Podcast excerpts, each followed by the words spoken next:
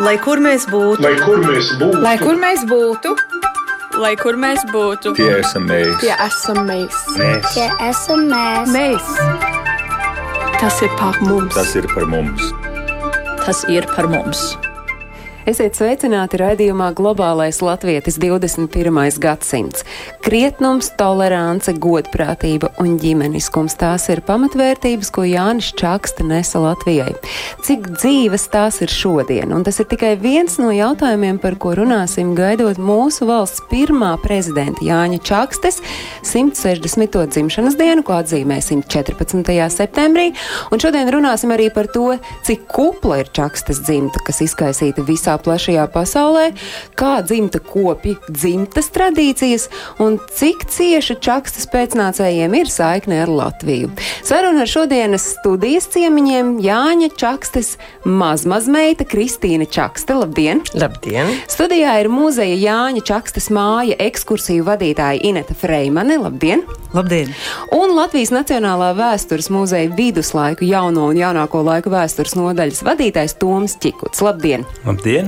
Savukārt jūs, klausītāji un skatītāji, atgādinu, varat raidījumu skatīties gan Latvijas Radio 1 mājaslapā, gan Latvijas Radio 1 Facebook tiešraidē un, protams, arī klausīties klasiskajā versijā, jo mēs redzam no Doma laukuma 8, proti Latvijas Radio 1. Teikšu godīgi, es pirms raidījuma visvairāk baidījos par to, lai es nesapiņķerētos tajos maz, maz, maz, maz, vec, vec, lai es nepiedēvētu kādu, kurš ir varbūt vecāks nekā ir vai jaunāks nekā ir. Sakiet, kā jūs paši dzimtā ar šo tiekat galā? Maz, maz vai vec, vec? Nu, katrs jau iemācās savējo, vai ne, cik reizi ir jāsaka. Ar pirkstu lietu līdzi, tā, ja? tieši tā. Nu, tagad vesela žoka gandrīz jālieto. Bet principā ir tā, ka mums ir viens opaps un viena omama. Un, un ar tā, to viss ir skaidrs. Jā, to visi zina. Tas ir tas lielais Jānis, un mēs runājam par opapu, ko opaps domā, ko, ko kā opaps būtu rīkojies un tā tālāk. Un tas visiem ir skaidrs, jā. Bet uh, savukārt uh, droši vien, ka Tomam uh, uzdošu jautājumu par to, ka mums to droši vien ikvienam Latvijā dzīvojošajam vajadzētu zināt tomēr, kāds tas bija nu, tā īsā versija, kā Jānis Čakste kļuva par pirmo Latvijas valsts mm prezidentu, un tad tam klāt jūs droši vien arī papildināsiet, kāds viņš bija kā valsts prezidents. Jā, interesanti ir tas, un ar to droši vien jāsāk. Zinot, kā šobrīd notiek dažādu politiķu kandidatūru izvēle, un tas droši vien rāda viņa personības zināmas šķautnes, ka faktiski nebija liela diskusija, kurš būs ne pirmais Latvijas parlamenta prezidents, atversim sapulces prezidents, vai Latvijas tautas padomas vēl mazliet ātrāk šī priekšparlamenta vadītājs, un arī pirmā valsts prezidenta vēlēšanās. Tā intriga nebija tik liela kā otrajās vēlēšanās 25. gadā.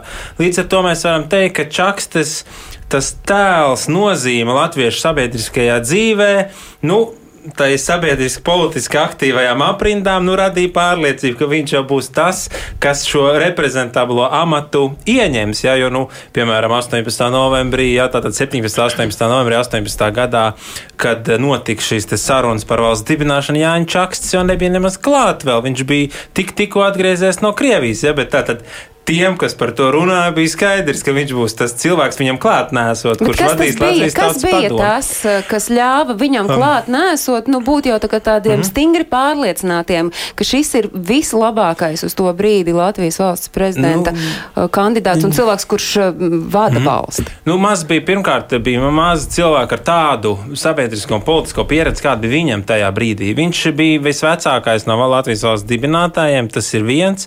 Viņš ir cilvēks, kam ir tāda tiešā saikne ar to tā saucamo pirmo latviešu nacionālās atmodas laikmetu, tā saucamo jaunatviešu laiku, jo viņš gal galā bija personīgos kontaktos ar Krišānu Valdemāru, piemēram, kas jau likās tā, tā laika jaunai paudzei kaut kāda mītiska tāla pagātne, ar ko viņš, Jānis Čakst, bija Maskavā ticies daudzkārt. Viņam bija piektā gada revolūcijā pieredze Krievijas valsts domē, viņš bija pirmajā sasaukumā. Tas arī bija kaut kas īpašs, jo tā bija vis tāda, nu, disidentiskākā, visnepaklausīgākā valsts doma, ko pēc septiņas, dienā, septiņas divām dienām atlaida cars.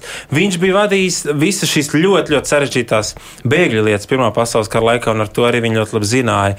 Vadījis šos te kurzemes kongresus, ja, tad nu, viņš bija priekšplānā bijis pietiekami ilgi, viņš nebija nu, tik partijisks, lai kāds teiktu, ziniet, ar šo gan mēs nestrādāsim, nu, un ar to pietika. Nu, un vēl tas, ko jūs jau nosaucāt, šīs īpašības, tās, protams, nāca līdzi un bija svarīgi, lai tas būtu pietiekami tolerants, taktisks, gudrs uh, cilvēks, kas spētu tomēr ne vienkāršo Latvijas sabiedrību arī tajā laikā uh, nu, saliedēt, apvienot, vadīt. Kristīna, kāds bija Jānis Čakste kā prezidents? Nu, es domāju, ka e, viņam, tā kā jūs teicāt, viņš bija, viņš bija zinkārīgs, viņš bija godis, godīgs, viņš bija ļoti diplomātisks. Un es domāju, tieši tajā brīdī, kad bija tas sākums un kad bija visas tās mazās interešu grupas, kas cīnījās par saviem jautājumiem, un tā tur bija vajadzīga izcila diplomātija, lai pienāktu pie jebkādu lēmumu. Un viņiem taču bija jāsāk no nulle, jāveido viss tā valsts ar likumiem un, un visu. Tā kā, tā, man liekas, tā bija viena no viņa vislielākām, teiksim, e, vissvarīgākām īpašībām. Tas, ka viņš mācīja saturēt šo lielo kopu un panākt arī kaut kādu rezultātu. Un Ineta? Nu, es gribu piebilst, ka Jānis Čakste kļuva par prezidentu mūža nokarē, bet viss jau viņa dzīves ceļš, viņa personības uh, uh, rakstura īpašības un tā tālāk vedināja uz to, tāpēc, ka visu savu dzīvi viņš ir veltījis uh, Latvijas sabiedrības saliedēšanai un, un, un ceļā uz Latvijas valsti. Un par viņa rakstura īpašībām gribu vēl piebilst, ļoti svarīgi ir tas, ka Jānis Čakste tieši pēc tādas ciešas eh, sasaistes ar Kristiānu Valdemāru, kā savus dzīves vadmotīvu ir pieņēmis kalpošanu sabiedrībai, kam viņš arī seko visu savu mūžu. Un vai tas ir arī tas, ko viņš ir eh, ne tikai dāvājis Latvijai ar savu piemēru parādījis, bet visticamāk, ka tas ir arī tas, ko viņš arī kā tētis ir eh, audzinājis savos deviņos bērnos. Noteikti, teiksim, viņam bija. Tas ir, tur jau kaut kādā veidā mēs mēdzam būs, būs izstādē mācīt bērniem, tā demokrātija jau sākās ģimenē īstenībā. Un ja tur ir, ir kaut kādas, teiksim, tādi noteikumi, kā, kā tā, tā saima tiek veidota, tad es domāju, ka tur arī izaug tie demokrātiskie cilvēki. Un, un es domāju, viņš ļoti mīlēja savu ģimeni. Un neskatoties uz to, ka viņš bija ļoti iesaistīts visādās sabiedriskās lietās, viņš veltīja bērniem un bērnu audzināšanai ļoti daudz laiku. Jā, Jānim Čakstam bija deviņi bērni, bet, eh, nu, godīgi sakot, ir pagrūti atrast informāciju par katru no viņiem. Eh, kurš uzņemsies, tad varbūt atkal tādā īsajā versijā ieskicēt, kāds katram no deviņiem Jāņa Čakstas bērniem ir bijis liktenis? Es varu sākt. Viņam bija pieci dēli un četras meitas. Tas ir, tas ir svarīgākais. Un tie pieci dēli bija tā, ka jau vecākais dēls Visvalds jau mirst Pirmā pasaules kara laikā. Viņš bija cārā armijā iesaukts, viņš Daugavpilī krita. Tad bija otrais dēls bija Mintauts, kas mans vecais tēvs. Viņš bija senators, jurists, saprotams, kā ir tēva. E, tēvu pēdās, un viņš kopā ar ģimeni devās bēgļu gaitās uz Zviedriju. Trešais bija Ringolds, ārsts e, Jāgavā palika Latvijā, jo viņš izglāba un, un organizēja Jāgavas slimnīcas evakuēšanu, kad e, otrā pasaules kara laikā bumboja Jāgavu. Ceturtais dēls Džedamīns.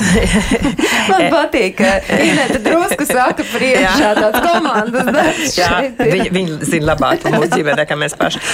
Džedamīns, viņš bija, viņš mācījās e, universitātē, bet tēvs viņam lika iet uz aučiem kā auču saimnieks, tā kā viņš attīstīja lauksaimniecību e, aučos, arī devās trimdā uz Zviedriju.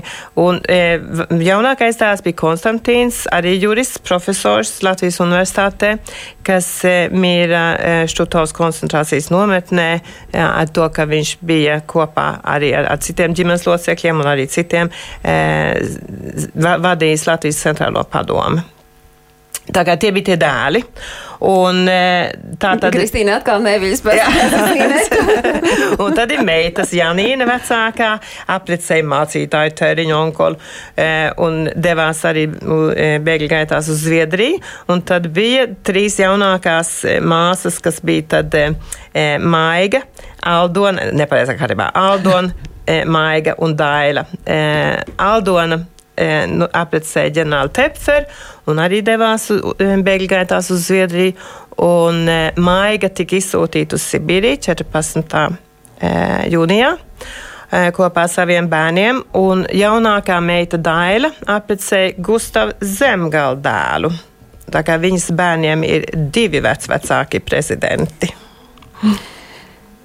Liktenis ir ieskicēts, un tad šobrīd skatoties, kas no tās deviņu bērnu ģimenes ir izaudzis, cik tad pavisam kopā ir čakstas dzimtas turpinātāju, eh, un pazud man tas vārds kas ir pēcnācēji, lūk, atrada to vārdu.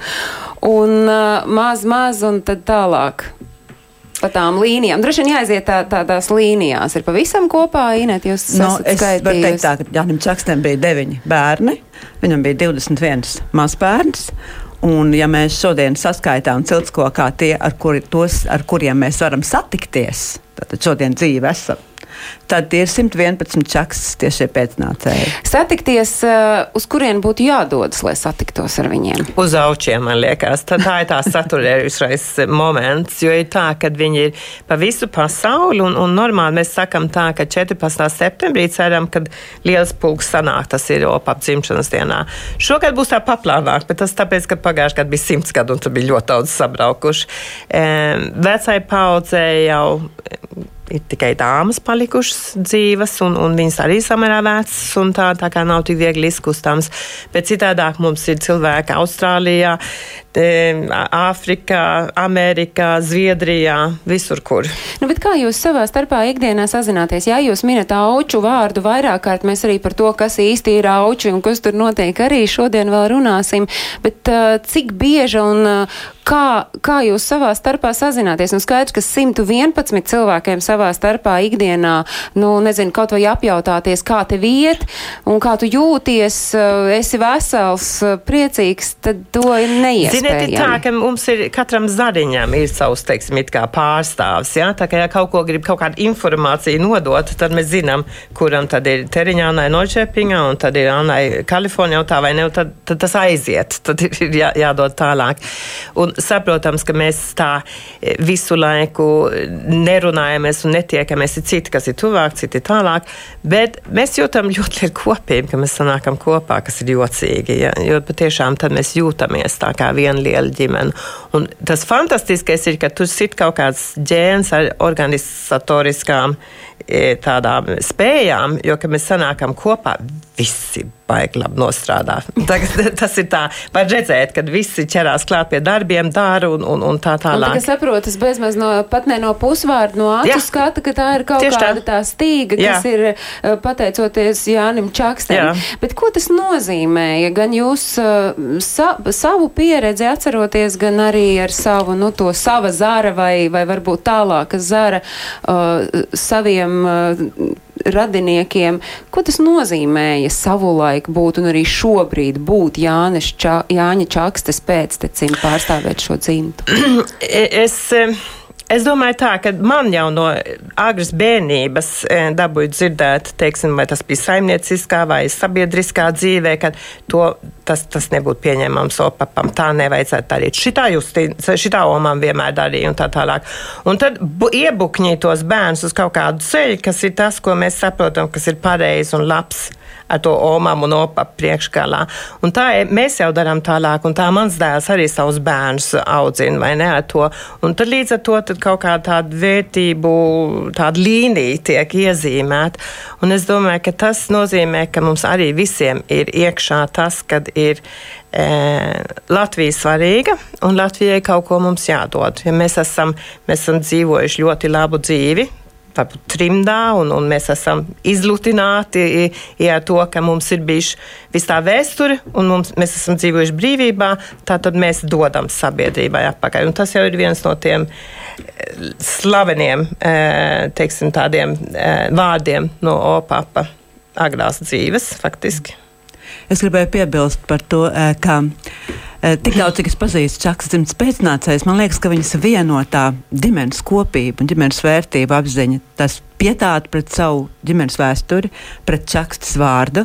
Un tas, ka viņiem ir jā, šī, šī svarīga ir piederība ģimenei, piederība Latvijai. O, mm, varbūt, ka es neesmu līdz galam iedziļinājusies, bet vai, vai bija kāds no Čakstas dzimtas, kurš dzīvoja Padomju Savienībā? Jā, Lūk, jā. te tas jautājums. Savukārt, ko tas nozīmēja uh, tajā laikā tām cilvēkam šeit dzīvojot? Mm. Un savukārt arī jums tā bija tāda atbildība, lepnums, varbūt kādreiz arī sloks, tā ir cilvēcīgi, Jā. nu, ka uz tevi tomēr visu laiku skatās. Jā, nu es teiktu, tā, kas palika Latvijā, bija Ringolds un Maiga. Un Ringolds bija izcils ārsts Jelgavā. Un, uh, vi, viņš, viņš labu varēja noturēties un, un, un strādāt tālāk ar to, ka viņš bija izcils profesionāls. Un arī varbūt Ļoti labs diplomāts. Jā. Tāpat kā tēvs. Tāpat kā tēvs. Un māja, kas tika izsūtīta un atgriezās daudz vēlāk Latvijā, viņai bija saprotams daudz smagāk, vai ne? Bet eh, arī viņi turēja savu latiņu ļoti augstu un, un, un darīja, ko varēja. Es domāju, mums tas. Eh, Nu, varbūt kādreiz. Es, es domāju, tā daudziem, kas varbūt radiniekiem, kas dzīvo ārpus Latvijas, saka, bet kāpēc mēs esam tik svarīgi Latvijai? Varētu radīties tāds Nu, jautājums. kāpēc? Nu, tāpēc, ka e, mums tomēr ir bij- bijis viens vecs tēvs, kas ir darījis daudz ko labu. un skatieties, un, un, un, un tāpēc mums arī ir savs, savu, teiksim, ārtu e, Latvijai jādod. Un, un to es domāju, ka to viņi, viņi visi saprot. Arī es ne, negarantēju, ka visi runā latviešu šobrīd. Tā jau tam, un ko jūs par to domājat? Vai jums liekas, ka tam ir um, liela nozīme, ka kāds nerunā?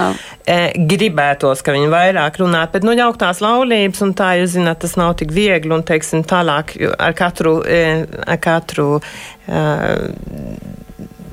ģenerāciju tas mainās. Bet es domāju, ka ir tā, ka viņiem ir daudz griba. Mēs jau, man liekas, runāsimies ar Aleksu, kas aizbrauc no Amerikas uz e, Daugavpili mācīties latviešu valodu. Piemēram, pat uz savu roku, ja, kā jauns cilvēks. Tagad viņai jau, viņai Jā, jau ar, uzlabots. ar Aleksu Krols mēs uh, mirkli vēlāk sazināsimies, un tomēr Tomam grib jautāt, tagad pa- paklausoties, nu tādā īsajā versijā, kāda ir bijusi Čakstas uh, pēcnācēju, uh, nu tie dzīves uh, virpuļi, mēs varam sas sasaistīt to, ka tas patiesībā ļoti spilgti un uh, uzskatām parāda arī to, kāda vispār ir latviešu tautas vēsture bijusi tajā konkrētajā laika periodā. Nu, absolūti. Es domāju, ka Čakstas dzimta ir uh, viens piemērs, ļoti uzskatāms uh, visos virzienos.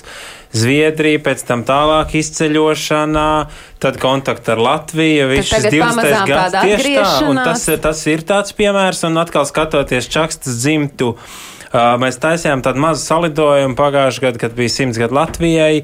Tiem 39 cilvēkiem pēcnācējs meklējām kopā, kas dibināja Latviju. Tātad 18. gada 18. novembrī bija arī Čakstas dzimta pārstāvēt šai salidojumā, un tur jau tā geogrāfija ir līdzīga.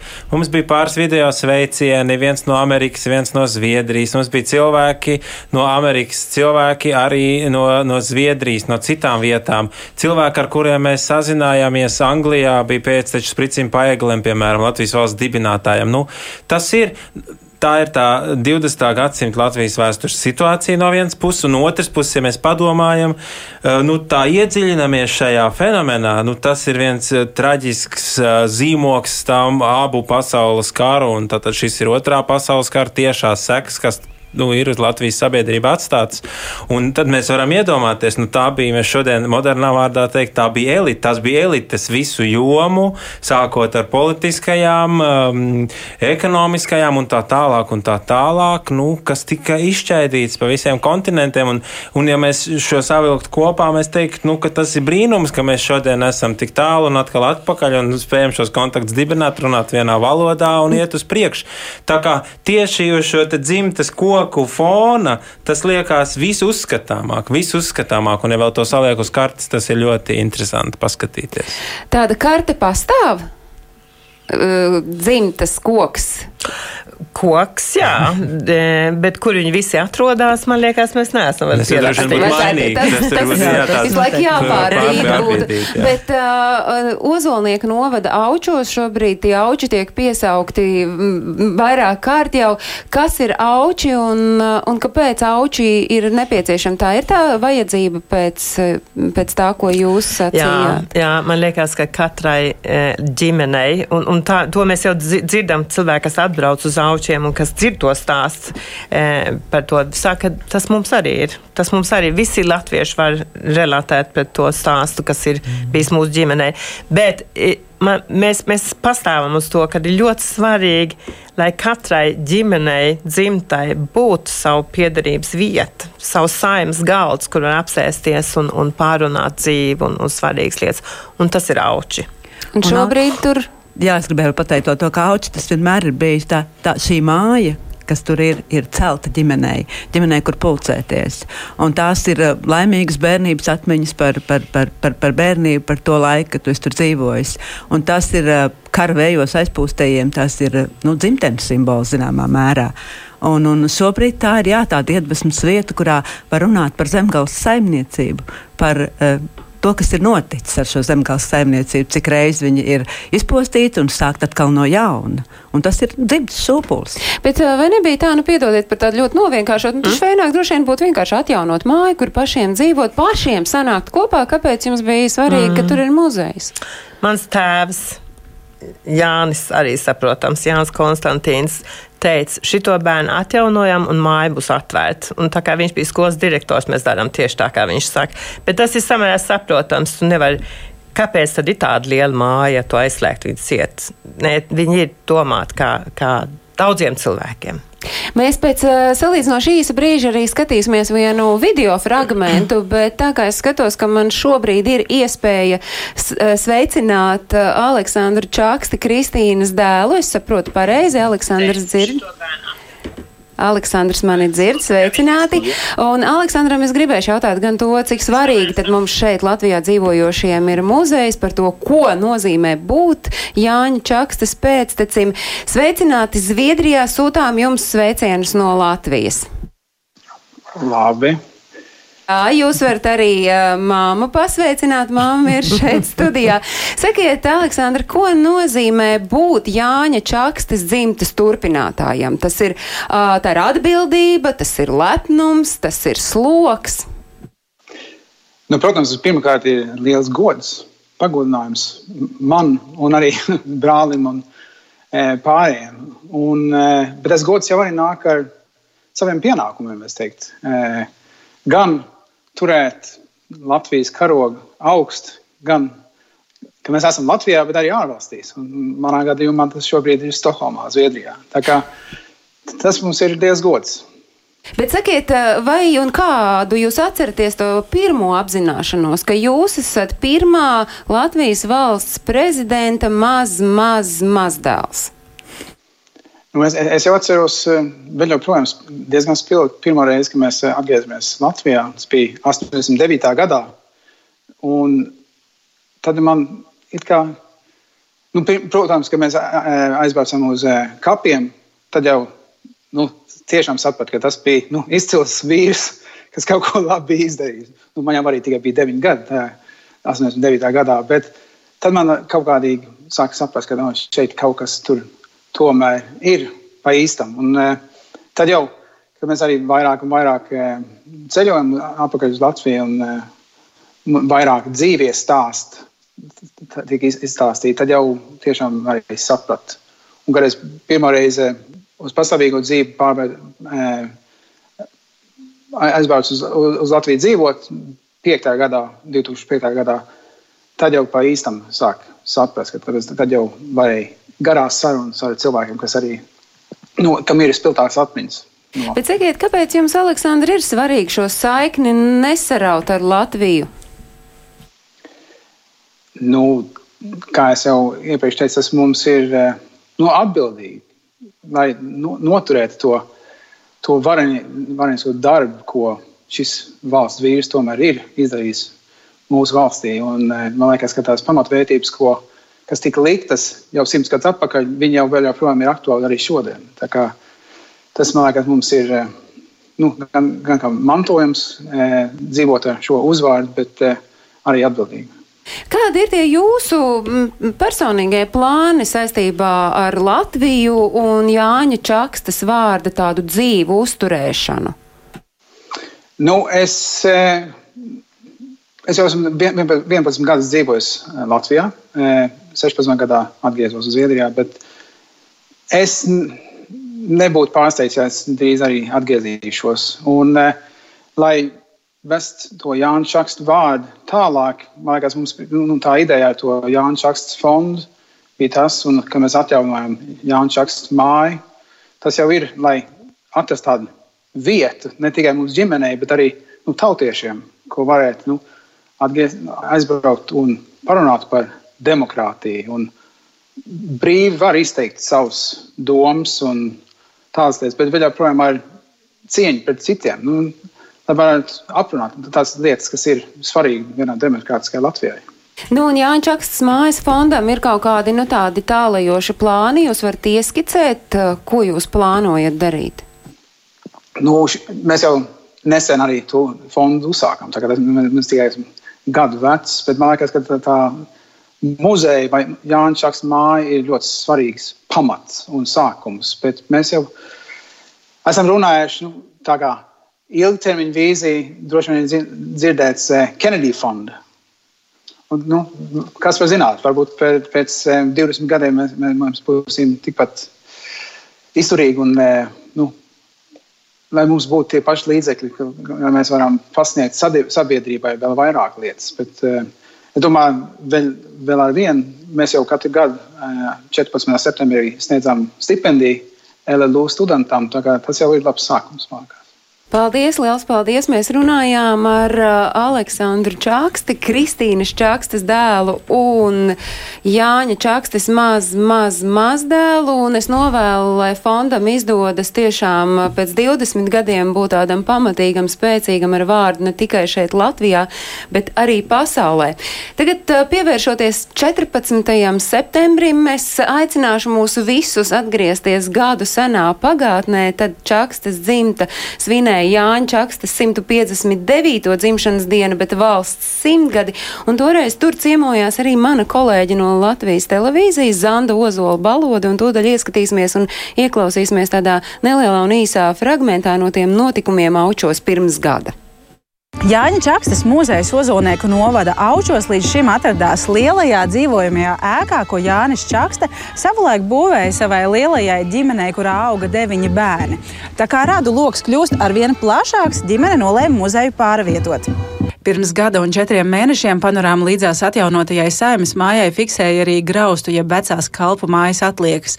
Taču pirmā prezidenta mazmazmeita Kristīna Čakste bija apņēmības pilna simtgades gadā jauno muzeju pabeigt. Nu, šitā ir tā topošais muzejs. tas ir grūti iedomāties, bet tas būs tik skaists un tik jauks. Kristīna Čakste stāsta, jaunās ēkas būvniecībā grūtākais bija notīrīt vecās ēkas ķieģeļus, no kuriem bija paredzēts būvēt jauno. Tika rīkotas daudzas talkas, un ēka varēja tapt gada laikā. Nu, galvenokārt tā, tā ir tomēr Kristīnas eh, lieliskais darbs. Viņa gan to izdomāja, kad vajadzētu šo darīt, un arī teiksim, tīri praktiski viss izdomāja un salika un, un, un arī lika mums visiem strādāt. Visām valsts pirmā prezidenta atvasēm šodien apģērbu rotā pielīmēta sarkana sirsniņa. Prezidenta radi noteica, uz muzeja atklāšanu sapulcējušies ap 50 cilvēku no Jāņa Čakstas dzimtes atzara.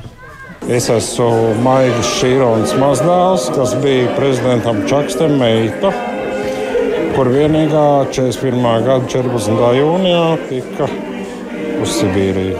Es esmu Jānis Čakstam 4. pakāpes mazdēls. Tā tad eh, maz, maz, maz, maz dēls. Taču visīpašākais stāsts ir Justīnai Zemgalai, kurai abi vectēvi ir bijuši Latvijas prezidenti. Prezidenta Gustava Zemgala dēls apprecēja Jāņa Čakstas jaunāko meitu. Māte un tēvs satikās e, e, universitātē, kam viņi studēja, studēja jurisprudenci. Justīna, līdzīgi kā daudzi citi no Jāņa Čakstas dzimtas, lielu daļu mūža pavadījusi Zviedrijā. Mēs pavadījām, pavadījām auču Oskaru laiku. Un tad jau mums meitiņām arī bija dārziņa un ko mēs kopam, un man Lelīte saucās, ieviņa rudens strīpainā. Jāņa Čakstes atvases norāda, viņiem visiem no bērnības ir ieaudzinātas vērtības, kas bija nozīmīgas arī pirmajam prezidentam. Gan tolerance, gan cieņa pret citiem, gan cita viedokļu uzklausīšana, pat ja tam nepiekrīti. Paldies kolēģiem no Latvijas televīzijas par to, ka mums ir iespēja ielūkoties gadu senos notikumos. Uh, uzskaitīja arī vēlreiz to, kas tad ir tas vēstījums, ko jūs arī kā dzimta nododat tālāk gan paši saviem pēctečiem, gan, gan arī visai latviešu tautai. Bet es tā iedomājos, nu tagad dzimst arī, nu tie maz, maz daudzie ar jau tiem -hmm. klāt bērni. Kā jūs viņiem -hmm. iedodat? Nu kā jūs viņiem tagad varat skaidrot, jo jums kaut kā tomēr, man tā, tā sajūta ir, ka, nu, tādam divgadniekam, piemēram, kā jūs mm. tagad izstāstāt, ka opaps bija, lūk, tāds vīrs. Tā, tā, tā, sākumā tas ir kā pasaka, vai ne? Tas jau ir ļoti grūti saprotams tādam mazam bērnam. Un es varu kā piemēru stāstīt par savu jaunāko dēlu, ne Aleksandru, bet, bet Jancītis, kas aizgāja uz bērndāzi trīs gadu vecumā un teica, mans vectājs ir karālis. Tad tas nebija tā gluži aizgājis simtprocentīgi vispārējie brīnījās, saprotams. e, bet, e, bet tas ir tāds, ir jāstāsta un tas ir jārunājās ar bērniem. Un, un, un kaut vai labāk labāk nekā skatīties multens, nu, klausies tos stāstus no, no, no, no ģimenes, vai ne? Un tas ir daudziem, un tāpēc ir svarīgi, lai nākamā paudze zina, lai viņi stāsta pareizi, un tā, tā kā mēs cenšamies. Jā, tūdaļ mēs pārliecināsimies, cik ļoti jūs esat centušies, jo mēs esam sazinājušies ar Aleksu Krols. Sveicināti, Aleksa! Sveiki! Aleksa, man ir bail sapīties tajos maz, maz, vai jūs pati varat pateikt, kas jūs esat Jānim Čakstem? Jānis Čakstē ir man vecs, vecs, vecs, vecs tēvs, trīs reizes. Um, so mana, mana vecs, vecs, vecs tēvs bija Konstantīns Čakstēs. Kur mēs jūs šobrīd sveicinām, jo par jums ir zināms dzimusi Amerikā, strādājusi Indijā un Dienvidāfrikā, un vispār šobrīd es saprotu arī jūs stā, esat, nu, veikla manevrētāja un spējat stāvēt starp uh, trim kontinentiem aptuveni. Jā, no šodien es zvanu no Rīgas. Um, es tagad mēģināju puslaiku dzīvo Rīgā un tad puslaiku Dienvidāfrikā, kur ir projekts. Sakiet, eh, ko jums pašai tas ir nozīmējis, ka jūs esat pirmā prezidenta dzimtai piederīga gan bērnībā, kā, par, kā jums par to stāstīja, kādi bija tie stāsti un ko tas no, nozīmē šobrīd? Jā, es uzaugu Arizonas štatā ASV, tūkstnesi, un tas ir pilnīgi cita pasaule nekā Latvijā. Um, bet visu mūžu esmu dzirdējis par Latviju, par manu mantojumu, protams, par prezidentu un vienmēr uh, kāpēc mūsu ģimene esat Latvijā un kāpēc tas ir svarīgi zināt nu, mūsu vēsturi, mūsu mantojumu. Un priekš mūsu ģimenēm vienmēr bija svarīgi zināt, kā Jānis Čakste agrāk runā par brīvību un demokrātiju un visas tiesības, kas ir tik svarīgi. Un tāpēc kara laikos mana ģimene domāja braukt, um, izbraukt no Latvijas uz Ameriku, tāpēc ka brīvība bija svarīga un viņi grib dzīvot brīvi. Bet šobrīd um, no Latvijā arī ir brīvība, un tāpēc man interesē, nu, kā ir Latvija šobrīd, kā ir dzīve tur šobrīd, un es zinu, kā vai nebūtu Jānis Čakste, vai nebūtu mana ģimene, tad es nebūšu šeit, vai nebūtu Latvija, tad es nebūtu šeit arī. Un tāpēc es, es nolēmu braukt atpakaļ Latviju un, un pieredzēt, kā ir Latvijā šobrīd. Vēl pirms es prasu, kā tad ir šobrīd jums Latvijā, un tomēr ko tādai patsmitniecei dzīvojot Amerikā nozīmē šis fakts, es esmu prezidenta dzimtai piederīga. Labi, ne Amerikas, bet Latvijas. Ko tas nozīmē? Uh, draugiem vienmēr pirmais jautājums ir, kura Latvija? um, bet ir tā, kā mēs teicām, anglis, tā fun facts, un cilvēki tad pēc tam vienmēr interesē, nu, kur ir Latvija, un, un kas ir Latvija, un tad tas ir tā izspēle, lai stāstītu par Latviju un par mūsu vērtību. Nu, bet šobrīd, kā jūs jūtaties Latvijā, vai nu, šis, šis tituls, ja tā es varu teikt, ka jūs esat piederīgi čakstas dzimtai, jums palīdz, vai varbūt atkal uzliek kaut kādu lielāku atbildības slogu, vai jūs mēdzat to paskaidrot arī šeit Latvijā, kas jūs tāda esat un kāpēc jūs esat šobrīd šeit Latvijā? Jā, man tas nozīmē kaut ko vairāk personīgi. Um, ir labi atcerieties, kāpēc es esmu šeit un kāpēc tur ir demokrātija šeit un kāpēc tas ir svarīgi. Um, Ikdien tas nenozīmē nekas. Es esmu meitene, kas dzīvo šobrīd Latvijā. Nu, dažreiz man ir daudz vairāk radinieku šeit nekā citiem. Par radiniekiem tieši runājot, kādas tad, kā jūs varētu raksturot, kādas eh, šobrīd 1000, eh, 2019. gadā ir attiecības čakstas dzimtes radinieku starpā? Jā, es, es, tāpēc es esmu šeit, lai labāk iepazīties ar visiem. Tāpēc mums ir tā liela ģimene, bet mums bija iespējas tikties aučos dažreiz. Un jūs esat viens no tiem spilgtajiem piemēriem, kurš eh, braucot uz Latviju nemaz īsti laikam latviešu valodu ļoti labi nepārvaldījāt. Jūs eh, mācījāties šeit vēl paralēli visam citam radinieku satiekot arī latviešu valodu. Jā, jā, es joprojām mācos, jūs varat dzirdēt. Bet, kad es apgāju šeit pagājušajā gadā, bija tā pirmā reize, lai pareizi mācīties. Es saprotu, jums ir būtiski atgriezties arī kādā brīdī Latvijā pavisam Es, es domāju, um, es, es gāju, lai redzēju, kas, kas mainās ar darbu un iespēju nopelnīt vairāk, bet es ļoti mīlu Latviju un es esmu ļoti laimīga būt šeit. Paldies, liels! Mēs runājām ar, ar Aleksu Krols, Jāņu Čakstes, maz, maz, maz meitu. Jā, če, Man liekas, ka es pareizi pateicu. Kristīna visu laiku skaita līdzi. Tas man patīk, ka jūs skaitāt līdzi. Bet kā jūs paši redzat un cik liela daļa no tiem čakstas dzimtas turpinātājiem jau šobrīd ir saistījuši savu dzīvi ar Latviju un ir gatavi ilgākā vai, vai, vai īsākā termiņā mm. atgriezties? Un kas ir tas, nu, varam, mēs no Aleksas dzirdējām, kā, kā būs ar darbu un vai varēs nopelnīt? Tas ir viens no faktoriem. Ir vēl kaut kāda priekšnoteikuma, lai vēl vairāk ātrāk atgrieztos? Ziniet, ir tā, ka e, pats Opaps jau teica, ka e, es neesmu karalis, jūs neesat karaļbērni, jums pašiem savu dzīvi ir jāizkārto, vai ne? Un tā jau ir, vai ne? Tas jau katram ir jāveido savs liktenis un, un jāstrādā. Es domāju, ka tagad tā globalizācija jau palīdz tādā veidā, ka īstenībā tu vari daudz darbs darīt vienalga, kur tu atrodies pasaulē. Un Aleksa jau ir ļoti labs piemērs, un arī Aleksandrs, kas strādāja, teiksim, pār par robežām lietām. Tā kā tas nav tas noteicošais. Nē, es domāju, ka tas ir e, katram, katrai paudzei jāatrod savus draugus un savu to sociālo vidi, kur tu jūties labi, un tā nepietiek jau, ka, esi, ka tev ir prezidents opaps, vai ne? Tas ir kā. E, tas nav, tā, nav tāda ceļazīme vai recepte, ne. kas tev pavēr ne. visur ceļu, ne. un tomēr, un tas ir arī tas, kas, laikam, es negribu tagad neko pārmest nevienam, bet man liekas, ka tā paskatās, kāda bija prezidenta, nu, tāda ikdiena pirmās brīvvalsts laikā, un kāda tā ir tagad, mēs arī varam droši vien kaut kādas ļoti liels dažādības saskatīt.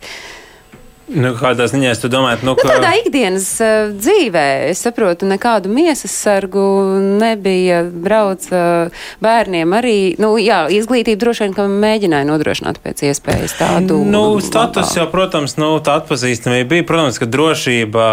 Nu, es nezinu, terorismu draudu līmenis pasaulē, moderni sakot, bija cits, vai ne? Un tas uh, nesa līdz, protams, kaut kāds atvieglojums, bet tajā pašā laikā uh, nu, tā galvenā, tas galvenais prezidenta pienākumu fons ikdienā jau ir nemainīgs. Ja? Tā tad vienmēr laika trūkums varbūt savām personīgajām lietām un nemitīga tāda pārsliekšanās starp to, kas tev ir jāizdara valsts lietās un, teiksim, spēt pievērst uzmanību vienlaikus arī savai ģimenei. Un, Bet par ģimeni runājot, piedod to, mēs pārtrauc, jo mums straujiem soļiem tuvojas raidījuma noslēgums.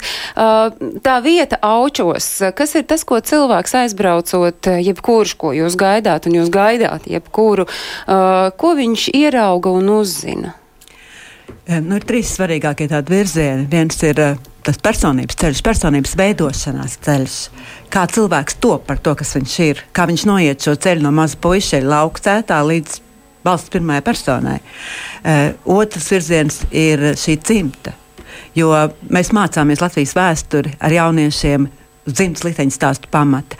Un ne tikai mēs runājam par to, cik mums katram ir svarīgi šis saimnes galds un uzturēt sakars, un vai mēs zinām savas dzimtas likteņu stāstus un pazīstam savus dzimtas piedarīgos visus, ne tikai nu, vecmāmiņu, vectētiņu un tuvākos. Un tā ir arī saruna par, par valsts, ne par par kalpošanu sabiedrībai, kas man liekas ir ārkārtīgi aktuāls šobrīd, jo uh, mēs nedrīkstam būt tikai patērētāji. Un uz Jāņa Čakas dzīves pamata mēs ļoti daudz diskutējam un runājam par to, kā tas ir, ko tu esi gatavs dot, lai sabiedrība apkārt tev būtu labāka un ko tu esi gatavs ziedot. Nevis tikai prasīt pašvaldībai, valstī un tā tālāk. Bet kā tāds muzeja apmeklētājs uztver šo vietu? Nu, ir ģimenes, kas atbrauc un pavada tur trīs stundas. E, cilvēkiem ļoti patīk. Patīk tā aura, patīk šie stāsti, patīk šīs pārdomas, jo ļoti daudz ko mēs pārdomājam un runājam par šo te. E, ir dažādas grupas, kas brauc, ir lielās ekskursantu grupas, ir skolēnu grupas un ļoti daudz ir tieši ģimenes. Tas nozīmē, ka čakstas māja ir dzīva. Jā, un tā mēs gribam arī tā, lai būtu vienmēr lai brauc. Visi laipni lūgti. Labi, to mēs uzskatām kā mm, ielūgumu, kas ir derīgs bez pāraksta, bet 14. Eh, septembrī, gaidot 160. dzimšanas dienu, notiks svinības, kur eh, es zinu, ka dienu iepriekš jau būs, tur Toms varētu mazliet vairāk pastāstīt, vai ne arī Kristīna? Labi, es, es var, būs saimā konference, zinātniska konference, kur apskatīsies dažādus e, jautājumus e, Jāņčakstas dzīvē. Mēs atklāsim jaunu, at, atkārtoti izdotu grāmatiņu. Jānis Čaks tikai vienu grāmatu sarakstīs savā dzīvē. Un tā ir maza brošūriņa, kas tika izdota vācu valodā Zviedrijā, un to mēs atklāsim. Un e, e, sestdien, 14. septembrī, nu, tad mums arī, saprotams, ir kā parasts e, stipendijas dalīšana. Un e, mums viesosies prezidents, un pēcpusdienā, sākot no četriem, visi ir lūgti atbraukt pa ēst kliņģeru. Ļoti labi. Vēl viens ielūgums ir izsūtīts. Bet man tomēr ir tāds e, jautājums, kāpēc e, ir. Nu, Tomēr tādas maz taustāmas informācijas. Protams, es domāju, nav mm. grāmatu, nav neviens par Jānu Čaksti. Nu, es vismaz nezinu, varbūt kāds slepenībā to ir izdarījis. Nu, Jā, es gribētu teikt, ka varbūt Latvijas vēsturē, politiskajā vēsturē, eh, kaut kādu apstākļu dēļ, bet droši vien nu, tās traģiskā 40. Eh, gada dēļ mums ir Kārlis Ulmanis palicis, diemžēl, vienīgais, kam ir 4-5 monogrāfijas, un eh, pārējie valsts prezidenti un izcili valsts vīri ir palikuši ar dažiem rakstiem, rakstu krājumos. Pamat. Nu, pamatā nevar jau teikt, ka pa čakstī nebūtu rakstīts gan 20. 30. gados tāpat ja bija gan izdevumiņš, gan arī rakstī. Bet jūs redzat, ka to šobrīd var labot? Un, un arī trimdā tāpat bija, nu, protams, bet es absolūti piekrītu, ka tas ir maz, un nu, mēs tāpēc mazliet centāmies šo caurumu aizlāpīt, izdodot Latvijas valsts dibinātāju biogrāfiju krājumu pagājušā gada rudenī, kur ir nu, vismaz uz septiņām lapām tāds īsais stāsts, kas uh, katram, kas mazliet grib zināt Latvijas vēsturi, izlasīt un saprast šīs personības nozīmi. Tur arī par Jāņa Čaksti varbūt var izlasīt no tāda mazliet cita rakursa, apkopojošā veidā to pamatu informāciju.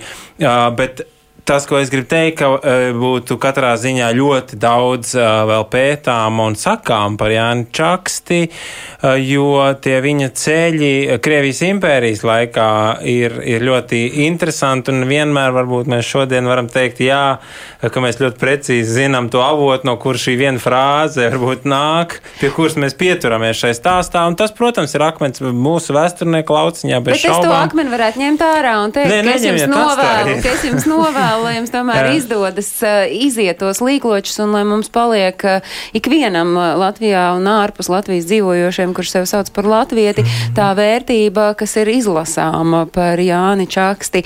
Es saku mīļu paldies Kristīnai Čakstei, Jāņa Čakstas mazmazmētai, saku paldies muzeja Jāņa Čakstas māja ekskursiju vadītājai Inetai Freimanai un paldies arī Tomam Čikutam vēsturniekam. Es to akmeni tomēr izņemšu ārā. Bet notikums, kas ir svarīgi ikvienam ārpus Latvijas dzīvojošiem, jūs noteikti varat meklēt portālā latviešu.com. Bet uh, ir viens zīmīgs notikums, kam mēs pievēršam uzmanību un mudinām ieklausīties izglītības iestāžu vadītājs. 11. novembrī Vidzemes plānošanas reģions aicina uz vispār izglītojošo skolu direktoru izglītības pārvalžu speciālistu semināru remigrējušo ģimeņu bērnu iekļaušanās Latvijas skolās, bet lai šis seminārs varētu pilnvērtīgi notikt, ir nepieciešama skolu izglītības iestāžu vadītāja iesaiste. Kādai tai iesaistē vajadzētu būt? Es tagad uh, esmu sazinājusies ar Vidzemes plānošanas reģiona remigrācijas koordinātoru Iju Grozu. Sveicināti, Ija! Labu dienu! Jā. Ija, kas ir nepieciešams, ko vēl līdz pirmdienai var izdarīt, lai šis seminārs noritētu ar tādu pievienoto vērtību? Jā, vispirms es gribu pateikt milzīgi paldies vairāk kā simts šīm izglītības iestādēm, kuras ir izpildījušas, ir aptaujas anketa izglītības iestāžu vadītājiem, lai runātu svarīgs ir tieši vadītāju viedoklis. Un visas Latvijas izglītības pārvaldes izglītības iestādes ir saņēmušas nosūtītas vēstulītes un aicinājums izpildīt aptaujas anketu, norādīts links, visi dati, kurā ā, ir izteikti viņu viedokļi, viņu problēmas saistībā ar šo jautājumu. Aptaujas anketa ir pilnīgi anonīma. Svarīgs mums ir viņu viedoklis un redzējums un problēma atklāsme.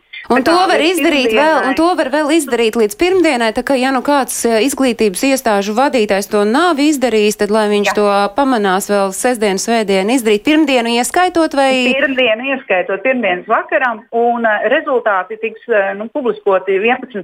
septembrī, un arī viņi būs zināmi visiem, visiem pieejami.